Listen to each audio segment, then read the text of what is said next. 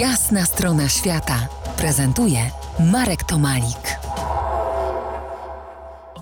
Tomku, pytanie padło już kilkanaście minut y, wcześniej. Y, odpowiemy na nie, spróbujemy przynajmniej, odpowiemy na nie teraz. Y, czy w tym samym miejscu możemy być podróżnikiem, zarówno podróżnikiem, jak i turystą?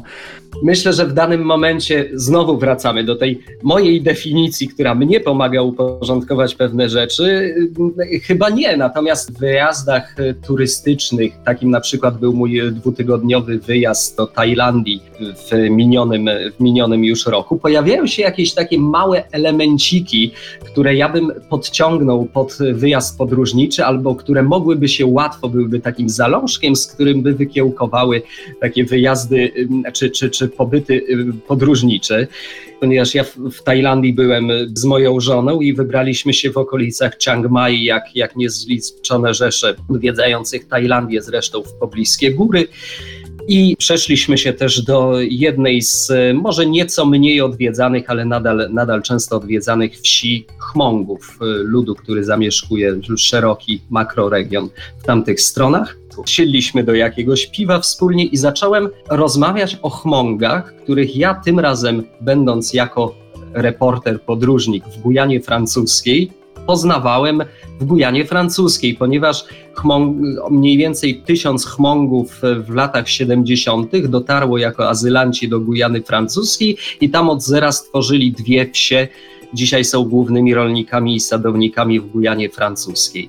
I teraz nagle zacząłem właśnie opowiadać o tych moich doświadczeniach, o tych moich, nazwijmy ich umownie, znajomych z Gujany Francuskiej, o ich losach, o wojnie. Okazało się, że część z nich należała do tego samego szerokiego klanu, co niektórzy mieszkańcy tutaj, tutaj tych okolic. I natychmiast potem zaproponowali kolację.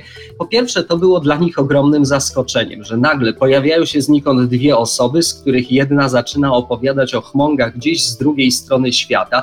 Pojawiła się jakaś jakiś wspólny mianownik zupełnie, zupełnie zaskakujący. Jestem przekonany, że gdyby cel naszego wyjazdu był inny, gdybyśmy mieli dużo więcej czasu i zechcieli z nimi zostać w tej wsi jakieś dwa tygodnie, na przykład zupełnie gdzieś na, na, na skraju domu, to to by się udało. Nawiązałaby się jakaś sympatia, zaczęlibyśmy się włączać, nie wiem, w ich, ich prace codzienne, pomagać i wtedy zacząłby się już ten charakter podróżniczy wyjazdu. Chmongowie chyba są też w Laosie, bo stamtąd ich y, pamiętam. O tak, zdecydowanie, zdecydowanie. Ci Chmongowie konkretnie, którzy, którzy trafili ostatecznie do Gujany Francuskiej falami, oni pochodzą właśnie z Laosu. O tym, czy ze skóry podróżnika jest łatwo wskoczyć w skórę turysty, no to już wiemy albo się domyślamy, bo to jest łatwe i czasami wygodne.